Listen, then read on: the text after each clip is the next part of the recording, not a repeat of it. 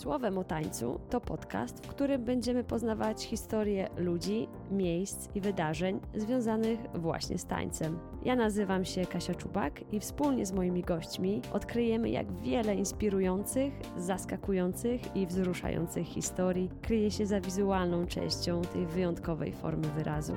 Zapraszam.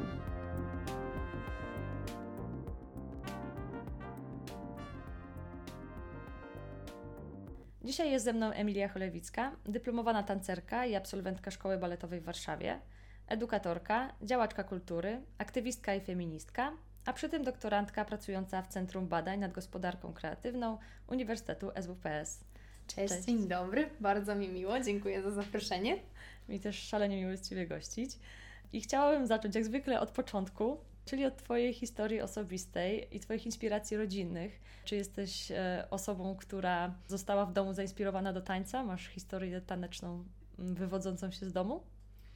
No, więc nie do końca, nie do końca, e, ponieważ e, moja babcia jest profesorem farmacji, moi rodzice są zootechnikami, dziadkowie byli chemikami, więc de facto jestem takim artystycznym odszczepieńcem i muszę przyznać, że w wieku kilku lat zdecydować o swoim dalszym losie i dalszym życiu. Mm, no jest to dość, dość odważna decyzja, a jednak decydując się na szkołę baletową właśnie w wieku dziecięcym de facto no tak e, decydujemy o swoim, o swoim dalszym życiu i dalszym losie i, i o tym, jak będzie nasze chociażby to młodzieńcze życie wyglądało. Także jestem małolatą, która zdecydowała być e, tancerką i artystką, ale e, w mojej rodzinie są korzenie baletowe, powiedziałabym, ponieważ e, moja no, taka pra, pra, pra ciotka Helena Cholewicka była pierwszą prima balleriną absolutą polską.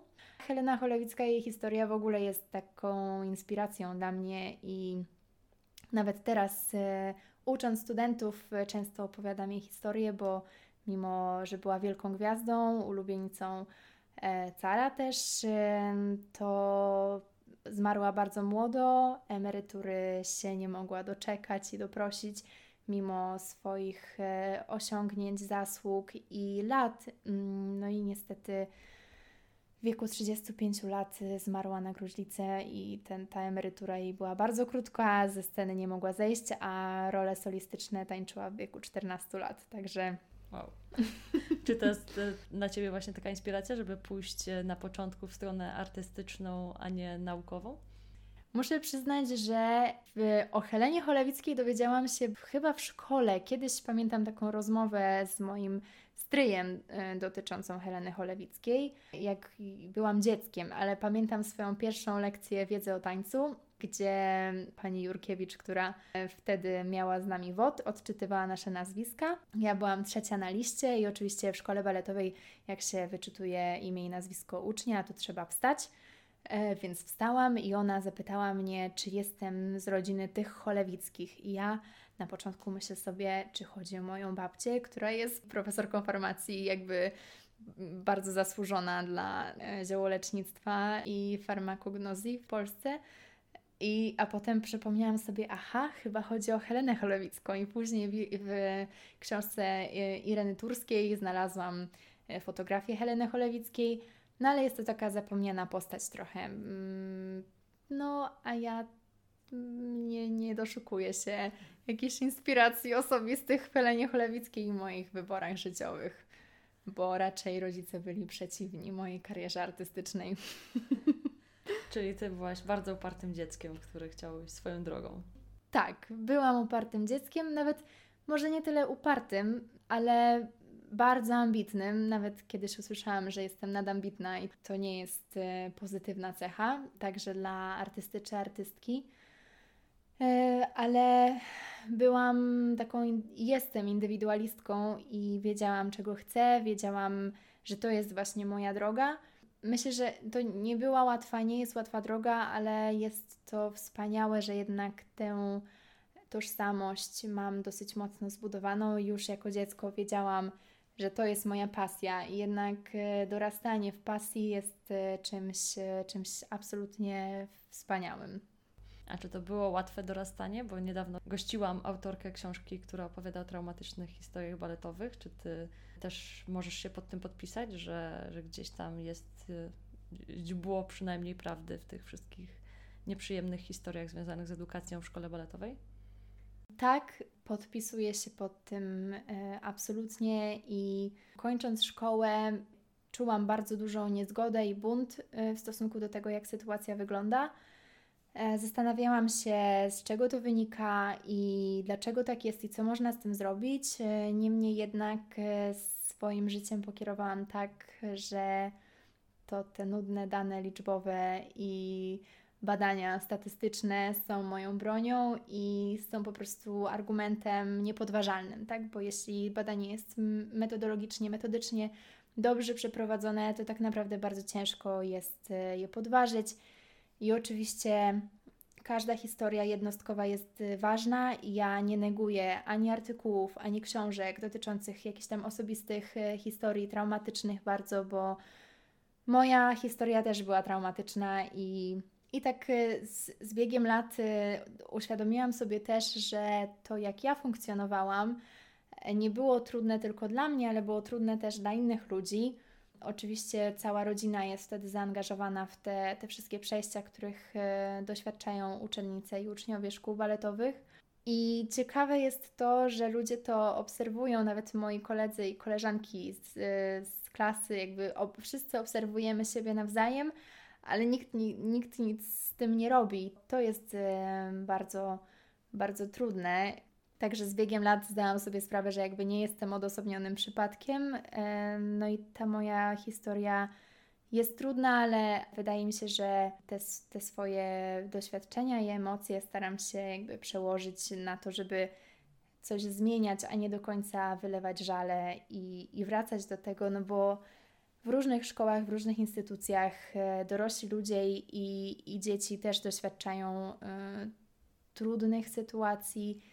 No i pytanie, czy chcemy tylko narzekać, czy jednak chcemy coś zmieniać. I ja, moja postawa jest tutaj trochę bardziej proaktywna, tak, powiedziałabym. Bo dzisiaj właśnie chciałabym z Tobą o tym porozmawiać, o tej Twojej proaktywnej e, postawie i na tym się przede wszystkim skupić, bo tak jak na początku wspomniałam, pracujesz w Centrum Badań nad Gospodarką Kreatywną Uniwersytetu SWPS i sama poszukujesz takich empirycznych odpowiedzi na osobiste pytania, e, które sobie zadawałaś w czasie, kiedy funkcjonowałaś, w zasadzie nadal funkcjonujesz w świecie tanecznym, więc e, to jest coś, co mnie bardzo interesuje i chciałabym, żebyś się tym trochę podzieliłaś dzisiaj właśnie o tym, czym jest e, rynek tańca w Polsce, jaka jest sytuacja tancerzy w Polsce.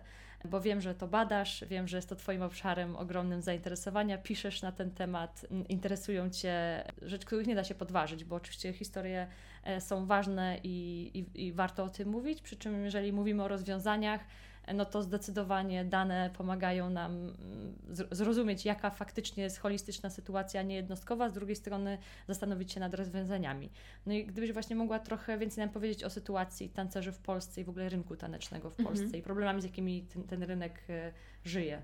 Ciekawe jest właśnie to, że ja zawsze jakby tutaj nie chcę negować tych osobistych historii, bo sama w swoim doktoracie wykorzystuję paradygmat mieszany i wykorzystuję zarówno badania ilościowe, jak i badania jakościowe, tak? Czyli skupiam się zarówno na, na tych reprezentatywnych danych, które płyną mm, zwykle z, z badań KAWI czy, czy CATI, czyli ankiet internetowych czy telefonicznych na próbie reprezentatywnej, ale też y, rozmawiam i prowadzę takie pogłębione wywiady indywidualne, które są wartością dodaną i każdy taka, każda taki, taka historia jest ważna. I oczywiście możemy mówić o zjawisku w takiej szerokiej skali, ale nie należy zapominać o tym, że są też historie, które są kompletnie inne, są na drugim biegunie i tutaj yy, myślę, że wszystkie takie głosy, które mówią szkoła baletowa jest wspaniała albo szkoła baletowa jest fatalna, traumatyczna, czy jakiegokolwiek innego pejoratywnego przymiotnika byśmy tutaj e, nie użyły, są e, po prostu skrajnie biegunowe. I tutaj trzeba pamiętać, że też w szkole baletowej były różne bardzo dobre doświadczenia i szkoła baletowa nauczyła mnie ciężkiej pracy, takiej właśnie świadomości, że bardzo wcześnie musiałam dorosnąć de facto, bo, bo często są to trudne mm, wybory życiowe, o których też się nie mówi. Raz to jest ta katorżnicza praca i pedagodzy, którzy bardzo często nie powinni wykonywać swojego zawodu, którzy mm, zatrzymali się na pewnym etapie i ten, ten system napędza, samonapędzający się przemocy e, powinien w końcu jakoś e, dokonać żywota i, i się zakończyć. Ale ym, myślę, że gdyby nie szkoła baletowa, to nie byłabym w tym miejscu, w którym jestem teraz. I trafiając na uniwersytet, to też jest myślę ciekawe, bo po szkole udało mi się dostać na, na Wydział Artyst Liberales na Uniwersytecie Warszawskim. To zderzenie z życiem studenckim było bardzo trudne, bo po 9 latach funkcjonowania w tej samej klasie, z tymi samymi ludźmi, tutaj klasie w, w znaczeniu podwójnym, bo i klasie w sensie grupy osób, i klasie w sensie pokoju, przestrzeni, trafiłam do środowiska zupełnie nowego i każda tutaj szkoła baletowa mm, wytwarza w nas taki bardzo, takie bardzo srogie spojrzenie na własną osobę. Ja bardzo się bałam podejmować nowych rzeczy, bo um, uważałam, że ja od razu, efekt musi być od razu, ja od razu muszę być najlepsza, że e, lepiej jest się schować z tyłu i nie odzywać. I no to było bardzo trudne doświadczenie ale zdałam sobie sprawę, że, że to nie jest moja droga. No i trafiłam na Uniwersytet SWPS i już na pierwszym roku pani profesor Dorota Ilczuk, teoretyczka i ekonomistka kultury, została takim moim przewodnikiem, moją przewodniczką. No i do tej pory e, zajmuję się ekonomiką kultury, e, gospodarką kreatywną. I są to szalenie ciekawe rzeczy, które stały się moimi narzędziami, moją taką bronią i, mm, i dały mi sposobność opisywania systemu, z którym się nie godzę w taki empiryczny sposób. Więc wracając do Twojego pytania, jeśli chodzi o rynek e, pracy tancerzy bo, i tancerek, bo tym właśnie się zajmuję i nierównościami na nim, Niewiele o nim wiemy i muszę przyznać, że moje doświadczenia artystyczne bardzo mi pomagają, ale jeśli chodzi o takie dane, chociażby w celach porównawczych, tak naprawdę nie mam do nich dostępu, więc jest to wszystko bardzo nowe. A rynek jest malutki, dlatego że e, liczba tancerzy w Polsce mm, to jest 2380 osób i to jest 4, to są zaledwie 4% e, jakby całości artystów. E, których mamy prawie 60 tysięcy. To jest ta liczba, która teraz cały czas się pojawia, bo mówimy o statusie artysty dużo. Więc jest ich niewiele i tutaj też należy pamiętać, że to są artyści zawodowi i odwołując się do Davida Trosbiego i do innych różnych badań, które są prowadzone mm, w obszarze ekonomiki kultury, zwykle mówiąc o artystach e, zawodowych, mówimy o osobach, e, które spełniają konkretne Mm, wytyczne. Jakby po pierwsze, w minimum 50% ich zarobków pochodzi z pracy artystycznej, mają wykształcenie artystyczne, to jest jakby ten drugi czynnik.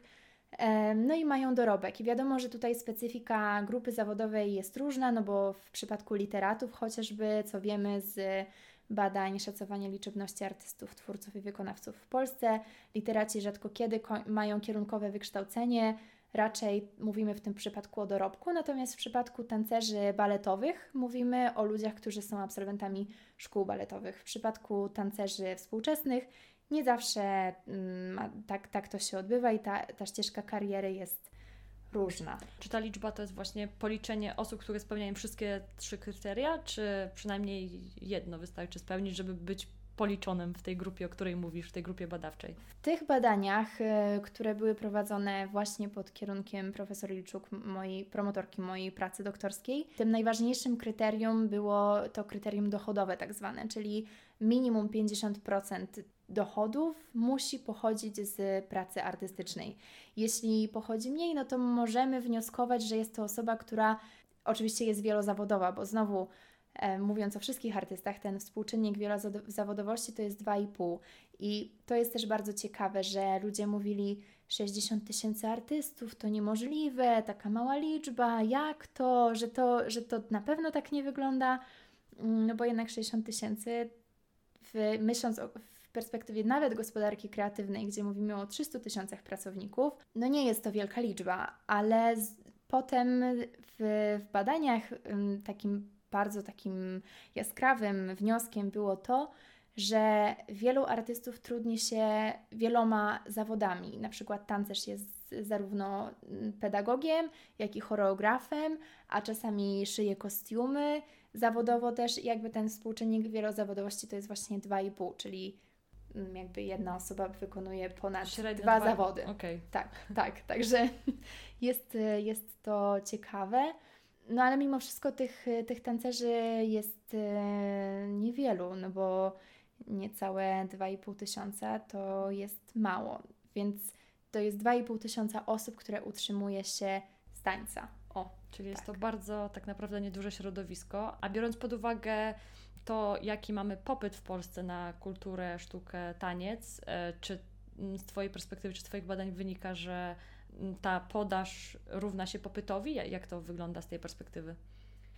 Zdecydowanie nie. I tutaj ta nadpodaż siły roboczej, bo w przypadku rynku pracy mówimy o stronie podażowej, czyli o pracownikach i popytowej, czyli pracodawcach. Trzeba sobie uświadomić, że w, w Polsce ja w swoim doktoracie właśnie badam zespoły baletowe, więc może tutaj na tym się skupię, bo sytuacja znowu nawet tych nierówności, którymi się zajmuję na, na tle płci, E, inaczej na pewno wygląda w przypadku tancerzy współczesnych.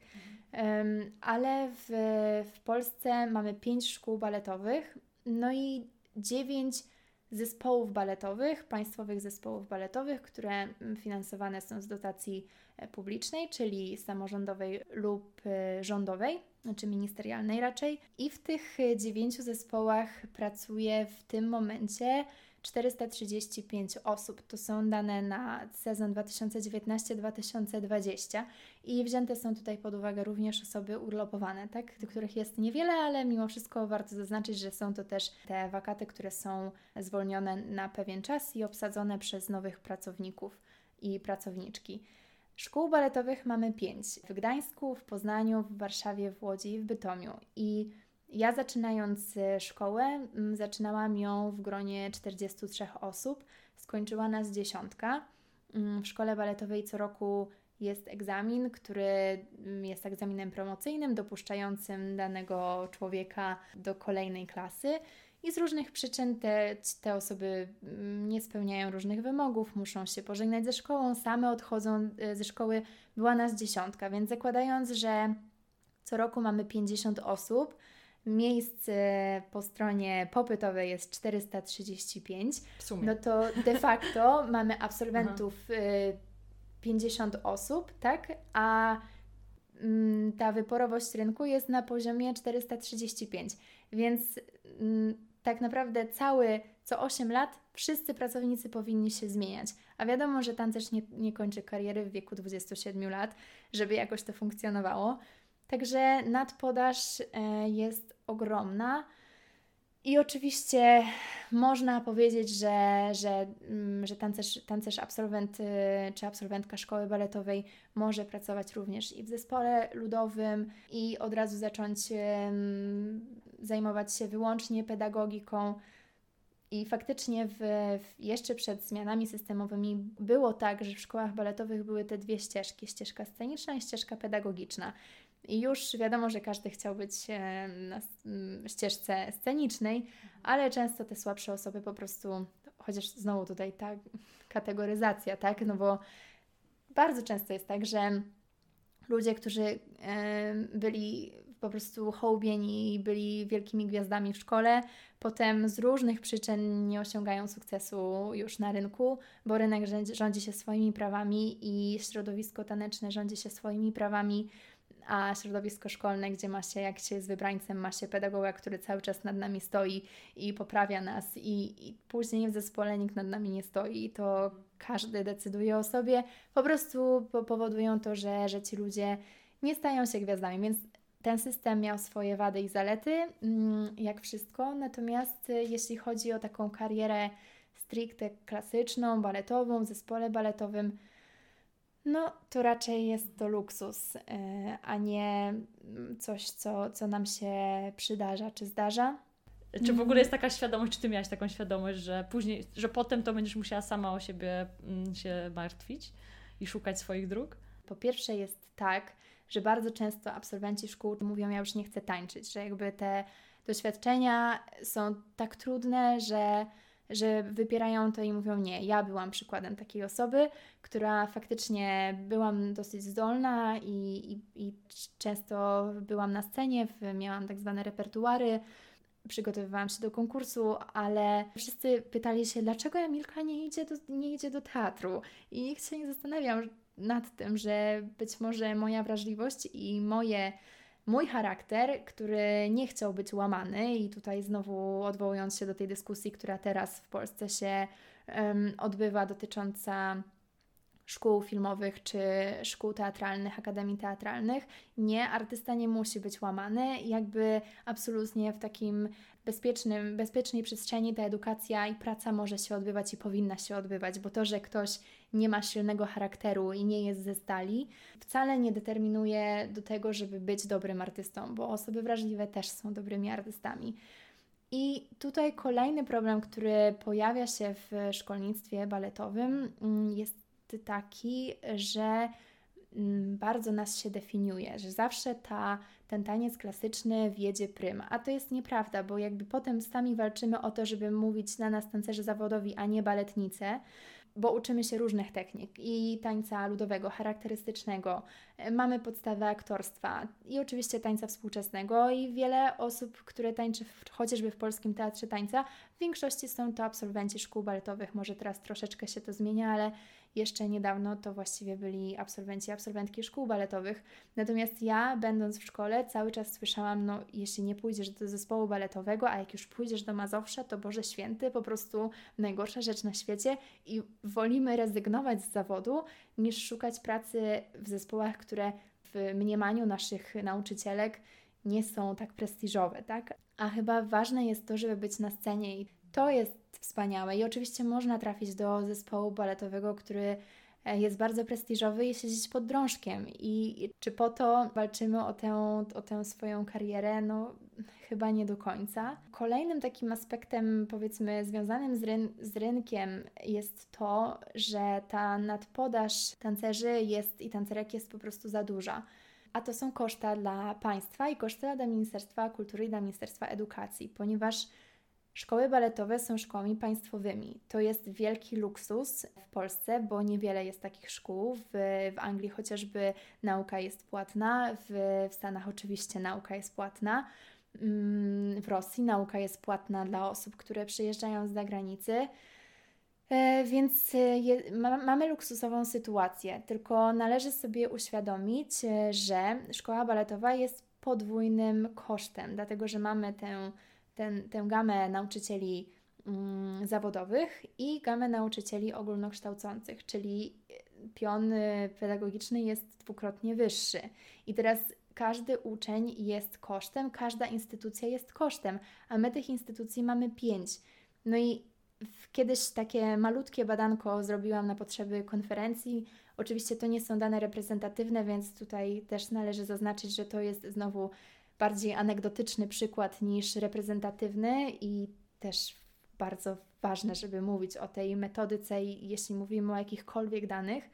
Mm, w, według moich obliczeń, tam na przestrzeni trzech lat, ten success rate, można powiedzieć, i, i czyli e, który dla mnie tym wyznacznikiem było um, dostanie pracy w, na rynku tańca, był na poziomie 30%, tak? Czyli właściwie efektywność szkolnictwa baletowego jest na poziomie, na poziomie 30%, bo szkoła baletowa ma przygotować nas do zawodu. To nie są zajęcia dodatkowe, gdzie jakby chodzimy dla przyjemności.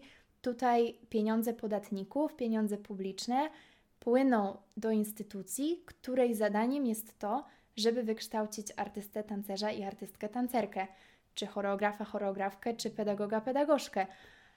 A nie wyobrażam sobie, żeby państwo na przykład y, płaciło na technikum gastronomiczne, a potem, żeby człowiek, który mm, ma darmową edukację w technikum gastronomicznym, nie wiem, zajmował się mechaniką samochodową, tak? No to jest po prostu absurdalne. A my w takim absurdzie trochę funkcjonujemy teraz.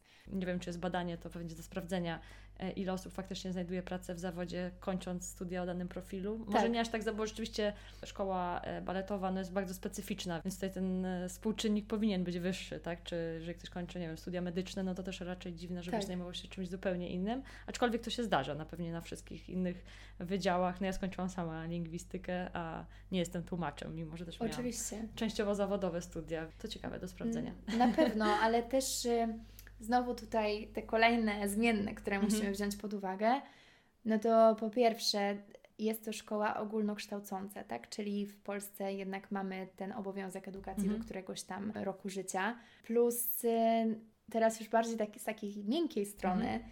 to, że studiujemy lingwistykę czy jakieś czy inne studia, które dają nam jakiś tam kapitał i narzędzia do tego, żeby funkcjonować na rynku pracy, jest czymś innym niż de facto rezygnacja z dzieciństwa. No bo to jest trochę tak, że w szkole baletowej my rezygnujemy z takiego standardowe, standardowego dzieciństwa.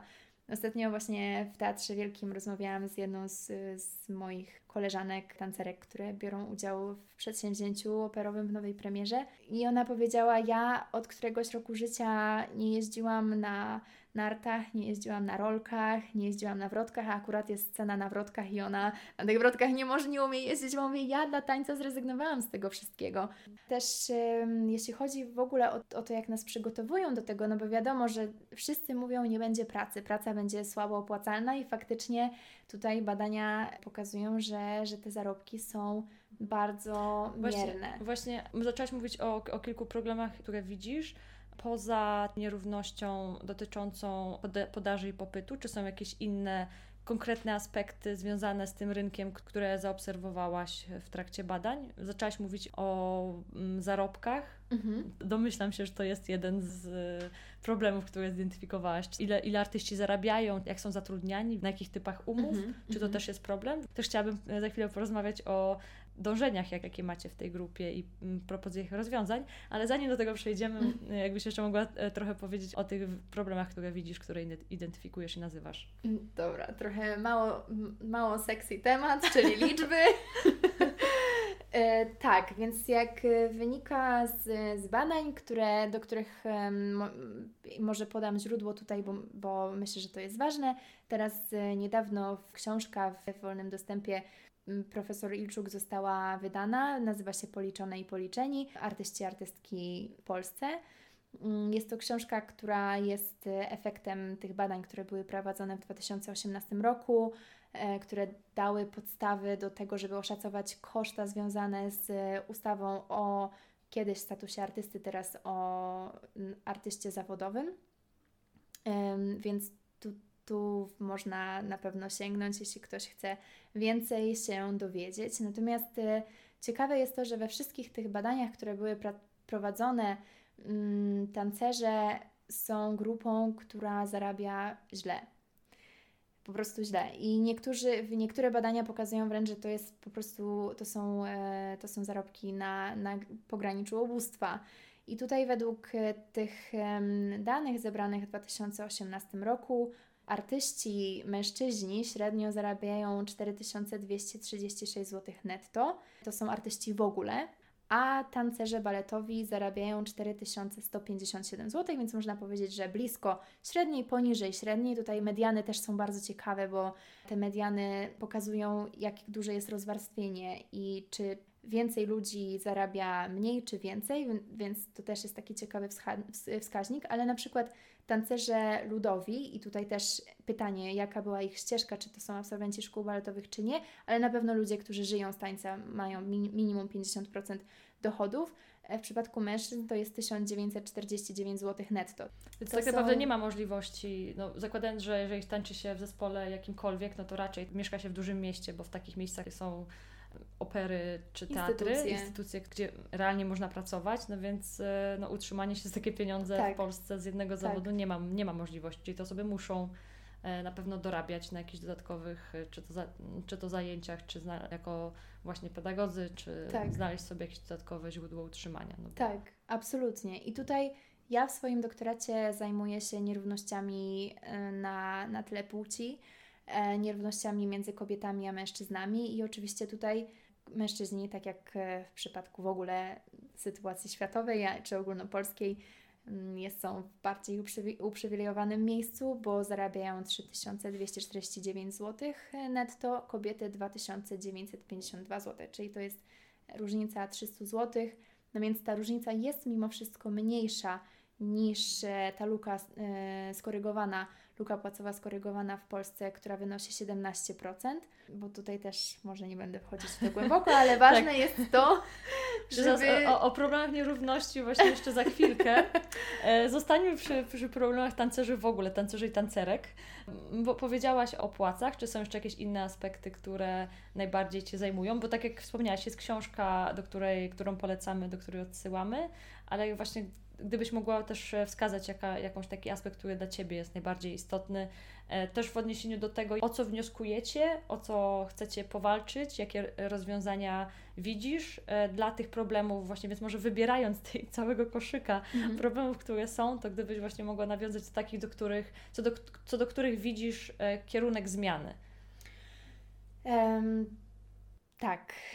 Sytuacja w Polsce jest e, bardzo trudna i tutaj takie powiedzenie o tym, że jest to rynek e, dziki, a nie wolny, mm, granica jest cienka, to po prostu rynek, który nie jest w żaden sposób usystematyzowany, nie ma systemów, nie ma rozwiązań, nie ma procedur. I generalnie wśród tancerzy baletowych e, przeważają formy zatrudnienia, etatowe formy zatrudnienia. W przypadku innych tancerzy zwykle są to umowy na czas określony, czyli tak zwane umowy śmieciowe, mm, umowy zlecenie, umowy o dzieło. Widzimy, że ta sytuacja tancerzy baletowych wcale nie jest taka zła, mhm. bo są to osoby, które zarabiają średnio, ale ponieważ pracują etatowo, to ten etat daje im przeżyć. I znowu to jest też taki kolejny kłopot, jak ten system płac wygląda. I nie ma rozwiązań idealnych, ale artyści teatru w ogóle zarabiają na graniu de facto. Ta podstawa płacy jest dosyć niska, a te nadgrania i granie w ogóle daje mm, możliwość zarobku. W momencie, kiedy teatry są zamknięte, nie wychodzimy na scenę, tak naprawdę nie zarabiamy. I osoba, która ma, pracuje na umowę o dzieło, po prostu nie ma żadnych podstaw do tego, żeby zostać wynagrodzonym, bo podstawą umowy o dzieło jest to, że dzieło musi zostać wykonane i dostarczone do mhm. zleceniodawcy, tak? A w momencie, kiedy nie mamy tego możliwości realizacji tego zlecenia, no to po prostu nie ma podstaw do tego, żeby w ogóle jakiekolwiek wynagrodzenie wypłacić. I tutaj Kolejny problem, który dotyczy, dotyczy rynku w Polsce mm, i tych braku tych rozwiązań, to jest problem, który może mniej dotyczy tancerzy baletowych, ale tancerzy bardziej e, freelancerów, to są niepłatne próby. W krajach takich jak Szwajcaria chociażby, to związki zawodowe regulują wysokość płacy. I nie ma sytuacji, w której próba jest niepłatna. Po prostu nie ma czegoś takiego, że moja praca zostaje wynagrodzona dopiero w momencie, kiedy ja wychodzę na scenę, bo ja inwestuję swój czas, a są różne przypadki losowe. Mogę zachorować, mogę doznać kontuzji, może się zdarzyć cokolwiek. I ta, ta, to wynagrodzenie, które ja dostaję po realizacji dzieła, nie powinno być wypłacone w momencie, kiedy ja realizuję projekt. A w Polsce bardzo często jest tak.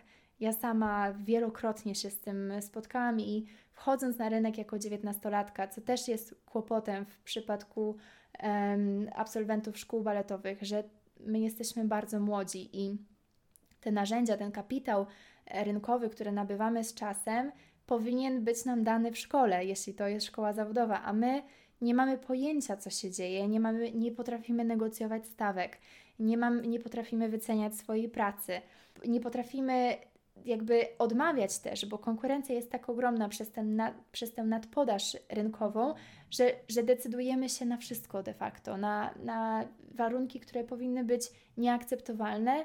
I tutaj też może trochę e, dygresyjnie, ten napływ tancerzy, którzy są tak zwanymi tancerzami przyuczanymi i najbardziej zależy im na tym, żeby zaistnieć na scenie, a nie do końca, żeby tę jakość rynku podwyższać, powoduje, że rynek się psuje, bo w momencie, kiedy ja cenię się tak i tak i odmawiam danemu e, zleceniodawcy i mówię przykro mi, ale te warunki mi nie odpowiadają, niepłatne próby, niskie stawki, brak normowanych godzin pracy. Jeśli ja się na to nie godzę, to jest osoba, która jest pasjonatą czy pasjonatką e, i, i powie tak, oczywiście ja to biorę, bo ja chcę tańczyć i to jest ogromny, ogromny problem i tutaj ta rola związków zawodowych, które oczywiście z racji naszych zaszłości historycznych w Polsce, no powiedziałabym, że związki zawodowe nie cieszą się dobrą opinią, jednak powinna zostać jakoś tam zrewidowana i, jednak mm, to związki zawodowe w większości krajów, nawet neoliberalnych, systematyzują rynek. Miałam tę przyjemność, że miałam dostęp do badań, które były prowadzone przez e, profesor Anitę Elbers na Uniwersytecie Harvardzkim, która um, przeprowadziła takie studium przypadku dotyczące American Ballet Theatre, czyli jednego z najstarszych zespołów baletowych w, w Ameryce.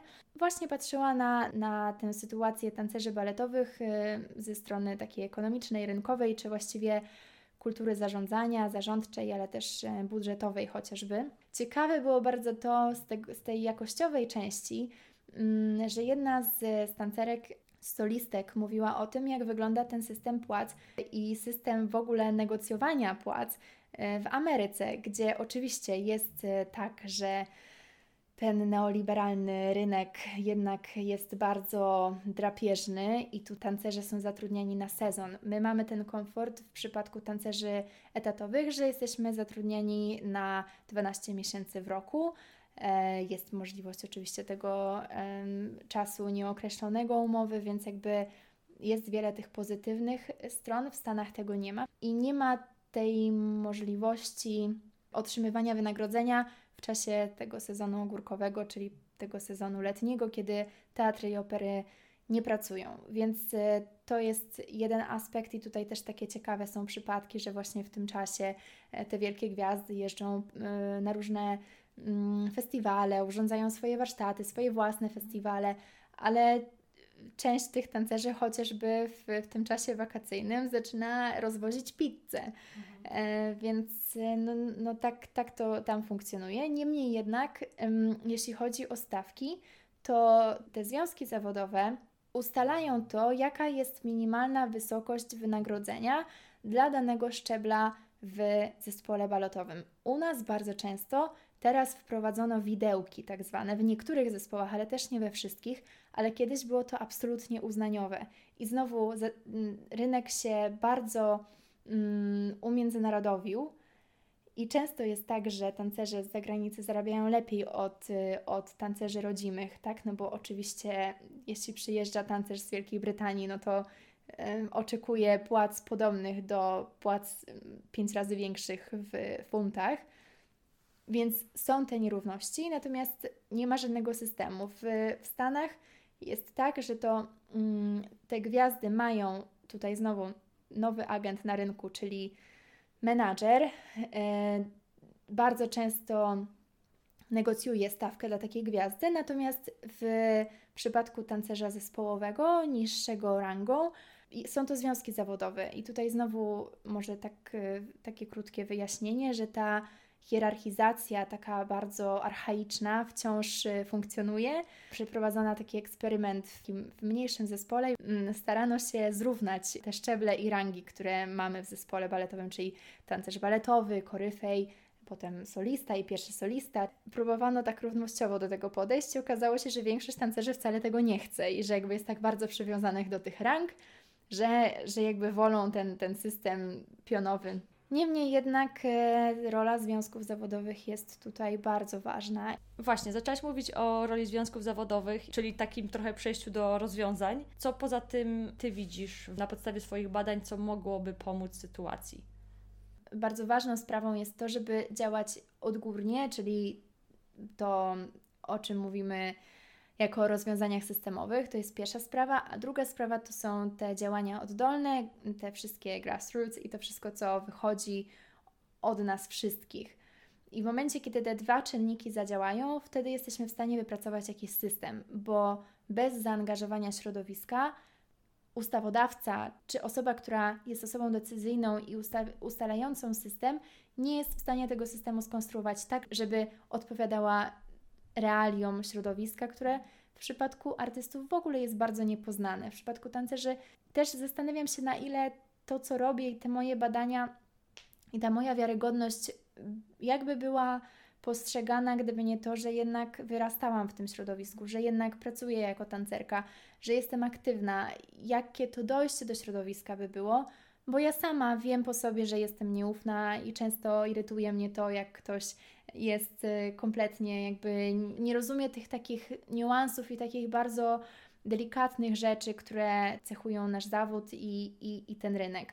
Tak jakby z jednej strony, tak jak ja to rozumiem, potrzebujemy silnych instytucji, które mogą działać w imieniu tej grupy, a z drugiej strony wolności dla tej grupy do jakichś indywidualnych, do podejmowania indywidualnych y, działań, które mogłyby pomóc w danych aspektach y, problemu, które sam, sami identyfikują w swojej małej grupie. Absolutnie. Z jednej strony wolności, ale z drugiej strony zaangażowania, bo bardzo często w ogóle tu spotykam się z tym, że lubimy narzekać i mówić, że jest nam źle, natomiast nie robimy tego w transparentny sposób. Robimy to gdzieś w kuluarach. W, kuluarach, w ukryciu. Jest źle, wszyscy wiedzą, wszyscy się zgadzamy. Tak, absolutnie. I, I jakby ta dyskusja, mhm. która teraz się toczy, czy toczyła przedtem w, e, w obszarze szkolnictwa baletowego, czy teraz w, w przypadku e, tej edukacji wyższej, e, teatralnej i filmowej, jest to niesamowicie ważne, bo, bo dyskusja jest jakimś początkiem, zalążkiem mhm. do zmian. No i tutaj znowu mocno się za, zastanowię i mocno podkreślę to, że daleko jest mi do wspierania sytuacji politycznej e, w Polsce. Natomiast zawsze sobie myślę, że w każdej sytuacji musimy jak najwięcej ugrać dla siebie, nawet w, w takiej opresyjnej w opresyjnym środowisku, w, w opresyjnych czasach, bo, bo należy tak o tym mówić i ja też e, głośno o tym mówię i głośno się nie zgadzam na, na to wszystko, chociażby w przypadku tutaj obszaru, który mnie interesuje, czyli sytuacji kobiet i, i wszystkich takich grup mniejszościowych. Niemniej jednak e, od paru lat trwa walka dotycząca ustawy o statusie artysty zawodowego. I bardzo trudne jest to, że wiele czynników wpływa na to, że ta ustawa nie może wejść w życie. I oczywiście ja rozumiem brak zaufania do rządu, brak zaufania do ministerstwa, ale trzeba też pamiętać o tym, że są ludzie, którzy naprawdę chcą e, zmienić coś w, po, w Polsce, gdzie tych rozwiązań po prostu nie ma. Sytuacja, w której jest tak wielu freelancerów, bo naprawdę te, ci tancerze baletowi to jest garsteczka, to jest mhm. 435 osób raptem, tak? To, mhm. mm, a w ogóle podejrzewam, że etatowych tan tancerzy współczesnych i etatowych tancerzy ludowych czy zespołów pieśni i tańca jest niewiele więcej, więc pewnie mówimy tutaj o jakichś 700 osobach mniej więcej. Tu tak e, wydaje mi się, że, że mówię, mówię poprawną liczbę, ale to, no, to nie jest więcej niż, niż tysiąc osób. Tak, tak? mówimy wciąż o setkach e, osób, co w 38-milionowym tak. społeczeństwie tak. jest dosyć małym wycinkiem jest rzeczywistości. Kroplą w morzu.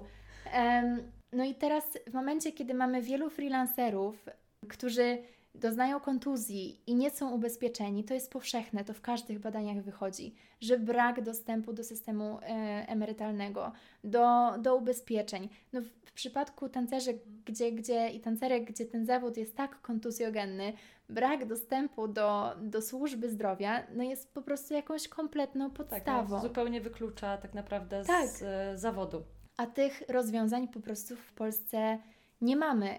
No i jak o to zadbać? I znowu walczymy o to, żeby ta ustawa weszła w życie, ale mimo wszystko spotykamy się z takim ostracyzmem e, ze strony artystów, co oczywiście jest zrozumiałe, bo podejrzewam, że gdyby nie to, że ja jestem gdzieś tam w środku, to też patrzyłabym na to bardzo podejrzliwie, a artyści są nieufni. Każdym kraju wszyscy patrzą na Francję. Francja taka wspaniała.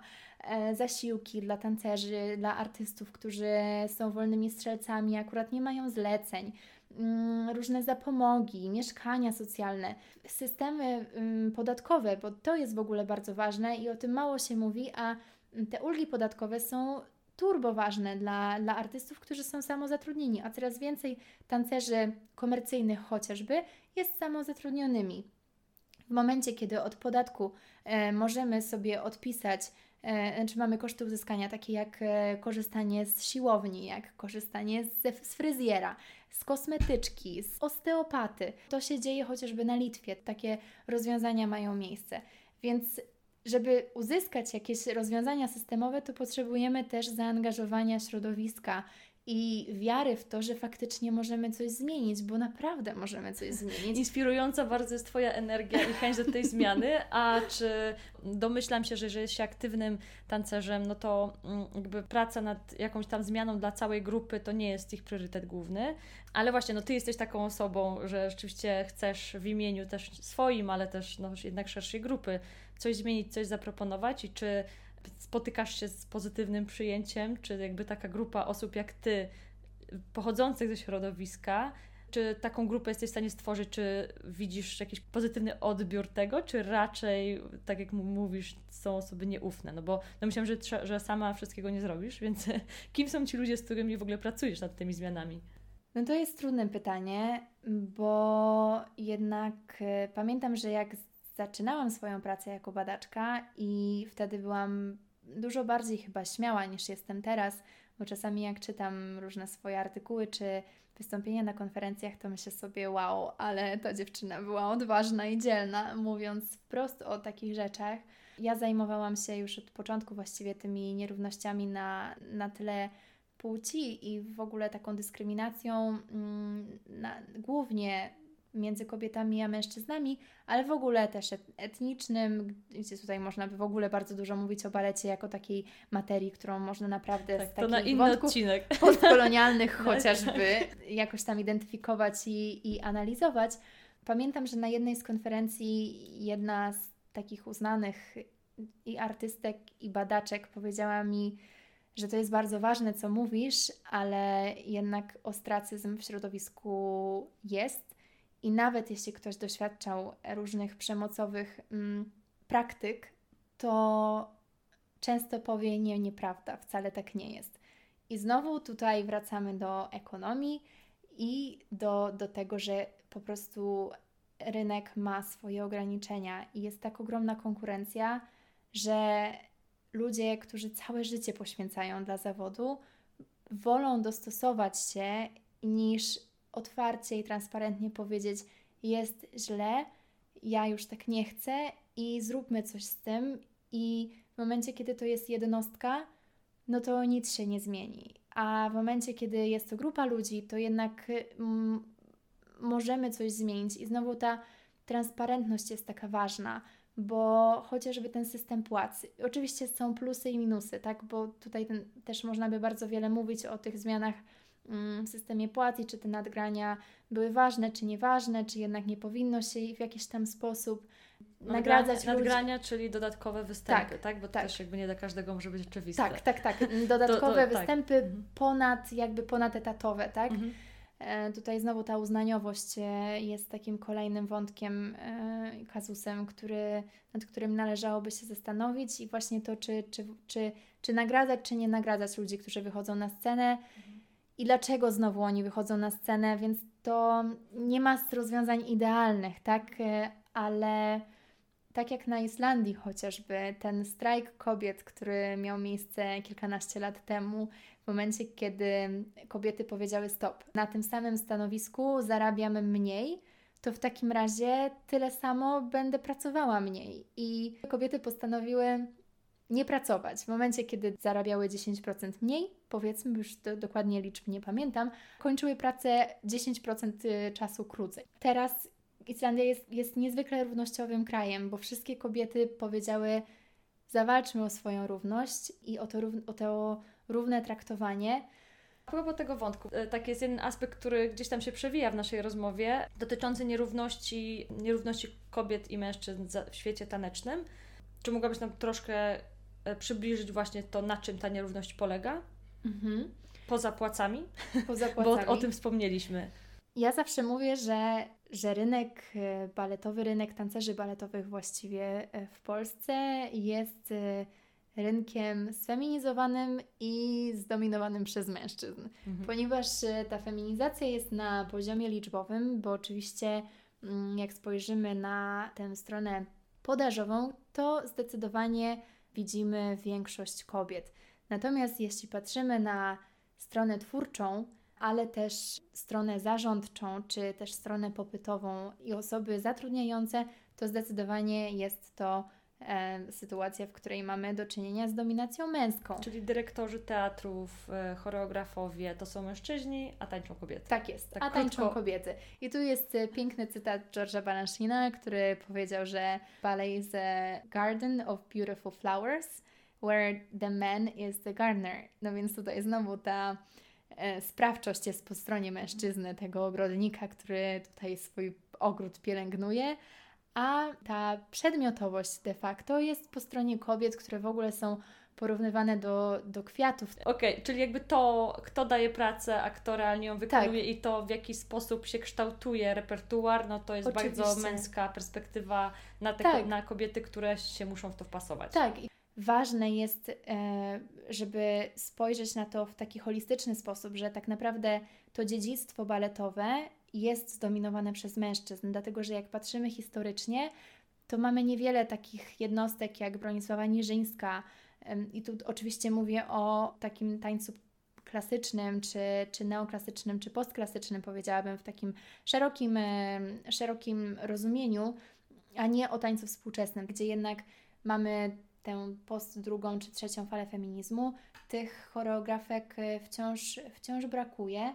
Mm, dyrektorek też e, jest, czy kierowniczek baletowych jest mniej. Mm, I też pytanie, na które na razie nie znam odpowiedzi, ale mam nadzieję, że na końcu mojego do doktoratu i tych zmagań naukowych, e, chociaż w jakimś stopniu będę w stanie nakreślić przyczyny takiego stanu rzeczy. I oczywiście tutaj na pewno należy mówić o tym jednak przemocowym systemie edukacji, o tym, że jednak mniejszość męska jest zawsze na pozycji uprzywilejowanej siłą rzeczy i transparentność i to, to mówienie o tych problemach myślę, że jest jakimś takim zalążkiem mm, do zmian.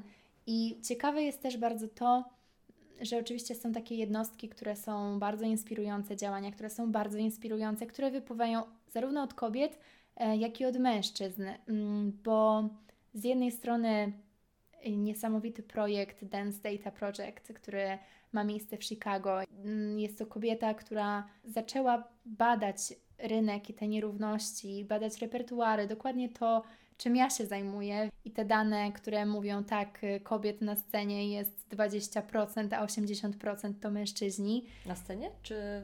Na scenie y, chodzi mi o prace sceniczne. Okay. O prace sceniczne co potem przekłada się na dziedzictwo, to że za 100 lat znowu będziemy mieć taką samą sytuację, tak jak mamy romantycznych choreografów y, Talioniego czy inne męskie jednostki, to jednak jest cały czas świat męski i spojrzenie męskie, to male gaze w ogóle jest takim bardzo ciekawym też, bardzo ciekawą rzeczą, że tak naprawdę repertuar baletowy można analizować nawet z takiej freudowskiej perspektywy i w ogóle tego, jak mężczyźni patrzą na bohaterkę, kobietę, na, na bohaterkę, która jest mimo wszystko jakoś tam poddańcza i chociażby ta śpiąca królewna, która leży i czeka na mężczyznę, który ją pocałuje i wtedy znowu może wstać i zacząć tańczyć, jest dosyć zabawna, a z drugiej strony bardzo opresyjna. Więc ta w ogóle ta figura tancerki baletowej, boha właściwie bohaterki baletowej, gdzieś też umiejscawia ją w konkretnym miejscu, później rynkowym. Więc... A, jak, a jakie Ciebie kobiety inspirują? Takie, które, te nie, właśnie te nieśpiące królewny, bo domyślam się, że śpiące królewny mało Cię inspirują. Więc jakie kobiety Ciebie inspirują ze świata tanecznego? No tutaj może trochę przewrotowo odpowiem, bo oczywiście tych e, tancerek mogłabym e, wymienić wiele i w takich równościowych sprawach oczywiście pierwsza rzecz, którą ktoś myśli to pewnie Misty Copeland, chociaż ja tutaj jestem dosyć krytyczna, bo uważam, że whitewashing e, absolutnie jest zjawiskiem, które możemy przypisać do Misty Copeland, ale może nie, może nie o tym. Jest wiele tancerek amerykańskich, które jednak mają takie inicjatywy i mówią chociażby Lauren Post, która mówi o macierzyństwie, a tutaj ten problem karania za macierzyństwo, tak jak na rynku pracy występuje właśnie Linda Scott o tym pisze chociażby, tak samo występuje w zespołach baletowych i to, że później zarówno emerytury, ale właśnie nawet takie tak zwane kary, które się odbywa za to, że, że nie jest się w formie jakby zdecydowało się na rodzinę, są obowiązujące i wciąż te praktyki nawet nie tyle, że są może powszechne, ale jednak występują, a nawet jeśli to jest jednostkowy przypadek, to należy o tym mówić. Ale taką jednostką, która stała się dla mnie bardzo inspirująca ostatnio jest e, Hugo Marchand, który jest młodym tancerzem, który jest tancerzem rokującym bardzo w operze paryskiej, która też rządzi się swoimi prawami i jest jeszcze innym systemem e, niż ten system, który mamy w Polsce chociażby, czy, czy w Stanach Zjednoczonych, bo już naprawdę hermetyczność i archaiczność opery paryskiej jest na jakimś niebywale ogromnym poziomie. Mm, ale Hugo Marchand napisał, napisał książkę o swoich doświadczeniach w operze paryskiej, odwołał się do badań, które były prowadzone parę lat temu, a dotyczyły właśnie nadużyć w operze paryskiej i ówczesny dyrektor został mm, odwołany później właśnie z, z tego powodu, a dyrektorką została e, Aurélie Dupont, więc y, francuska balerina, bardzo znana i kobieta, także też taka równościowa zmiana, ale on w taki otwarty sposób, mimo że jest cały czas gdzieś tam na początku swojej kariery, bo inaczej jest jak mówi wielka gwiazda i mówi jest źle, jak e, w, w przypadku Hollywood jakaś tam aktorka się wypowie, tak, były nadużycia, jest to inny głos niż jak jest to osoba, która jest na początku, która jednak. Która wiele może stracić też. Wiele może stracić. Mhm. I on w swojej książce właśnie mówi o tym, że jeśli 90, ponad 90% artystów i artystek opery paryskiej mówi, że było świadkami lub doświadczyło nadużyć na tle seksualnym, przemocowych praktyk, no to naprawdę igra z ogniem. Na czym mi osobiście tak bardzo zależy, to jest ten pierwszy krok, żeby chociaż zacząć mówić, że jest źle, a z drugiej strony słuchać o tym, że może być inaczej. Bardzo często tancerze, kończąc szkołę baletową, trafiają w tak, takie samo środowisko mm, opresyjne i po prostu ten tak problem jest, jest tak. transparentny tak. i wydaje się, że inaczej być nie może. Mhm. A ta zmiana perspektywy jednak e, jest, e, jest ważna i, i po prostu daje taką sprawczość i narzędzia do tego, żeby zawalczyć o siebie i zawalczyć o zmianę. Czy masz jakiś taki obraz tego, jak mm, chciałabyś, żeby taki świat taneczny, środowisko artystyczne, przede wszystkim baletowe, y, wyglądało? Czy masz taki y, swój idealny świat Emilii Cholewickiej? No więc moje życie też jest bardzo schizofreniczne, bo z jednej strony jestem tancerką i e, aktualnie realizuję projekt w, w Teatrze Wielkim w Warszawie, w Operze Narodowej. Z drugiej strony jestem badaczką i zajmuję się rynkiem pracy i zarządzaniem. Przemyślę sobie, że ta jedna strona mnie myśli tak, ta druga strona myśli tak i te moje doświadczenia są zupełnie inne, ale myślę, że życzę sobie i wszystkim tego, żeby żeby w Polsce wreszcie zawalczyć o rozwiązania systemowe, żeby były procedury, to też jest dla mnie jakieś takie słowo klucz ostatnio, żeby były instytucje, sankcje, do których można się odwołać, żeby to nie były cały czas sprawy bezprecedensowe, bo tak naprawdę funkcjonujemy w, w takim świecie, a z drugiej strony w takim idealnym moim świecie wspaniałe byłoby to, żeby jednak mieć to zrozumienie dla drugiego człowieka, że jednak jest to bardzo mało obiektywna materia, że że taniec jest, artyst, jest tworem artystycznym, jest dobrem kultury, ma wartość symboliczną, ekonomiczną, ale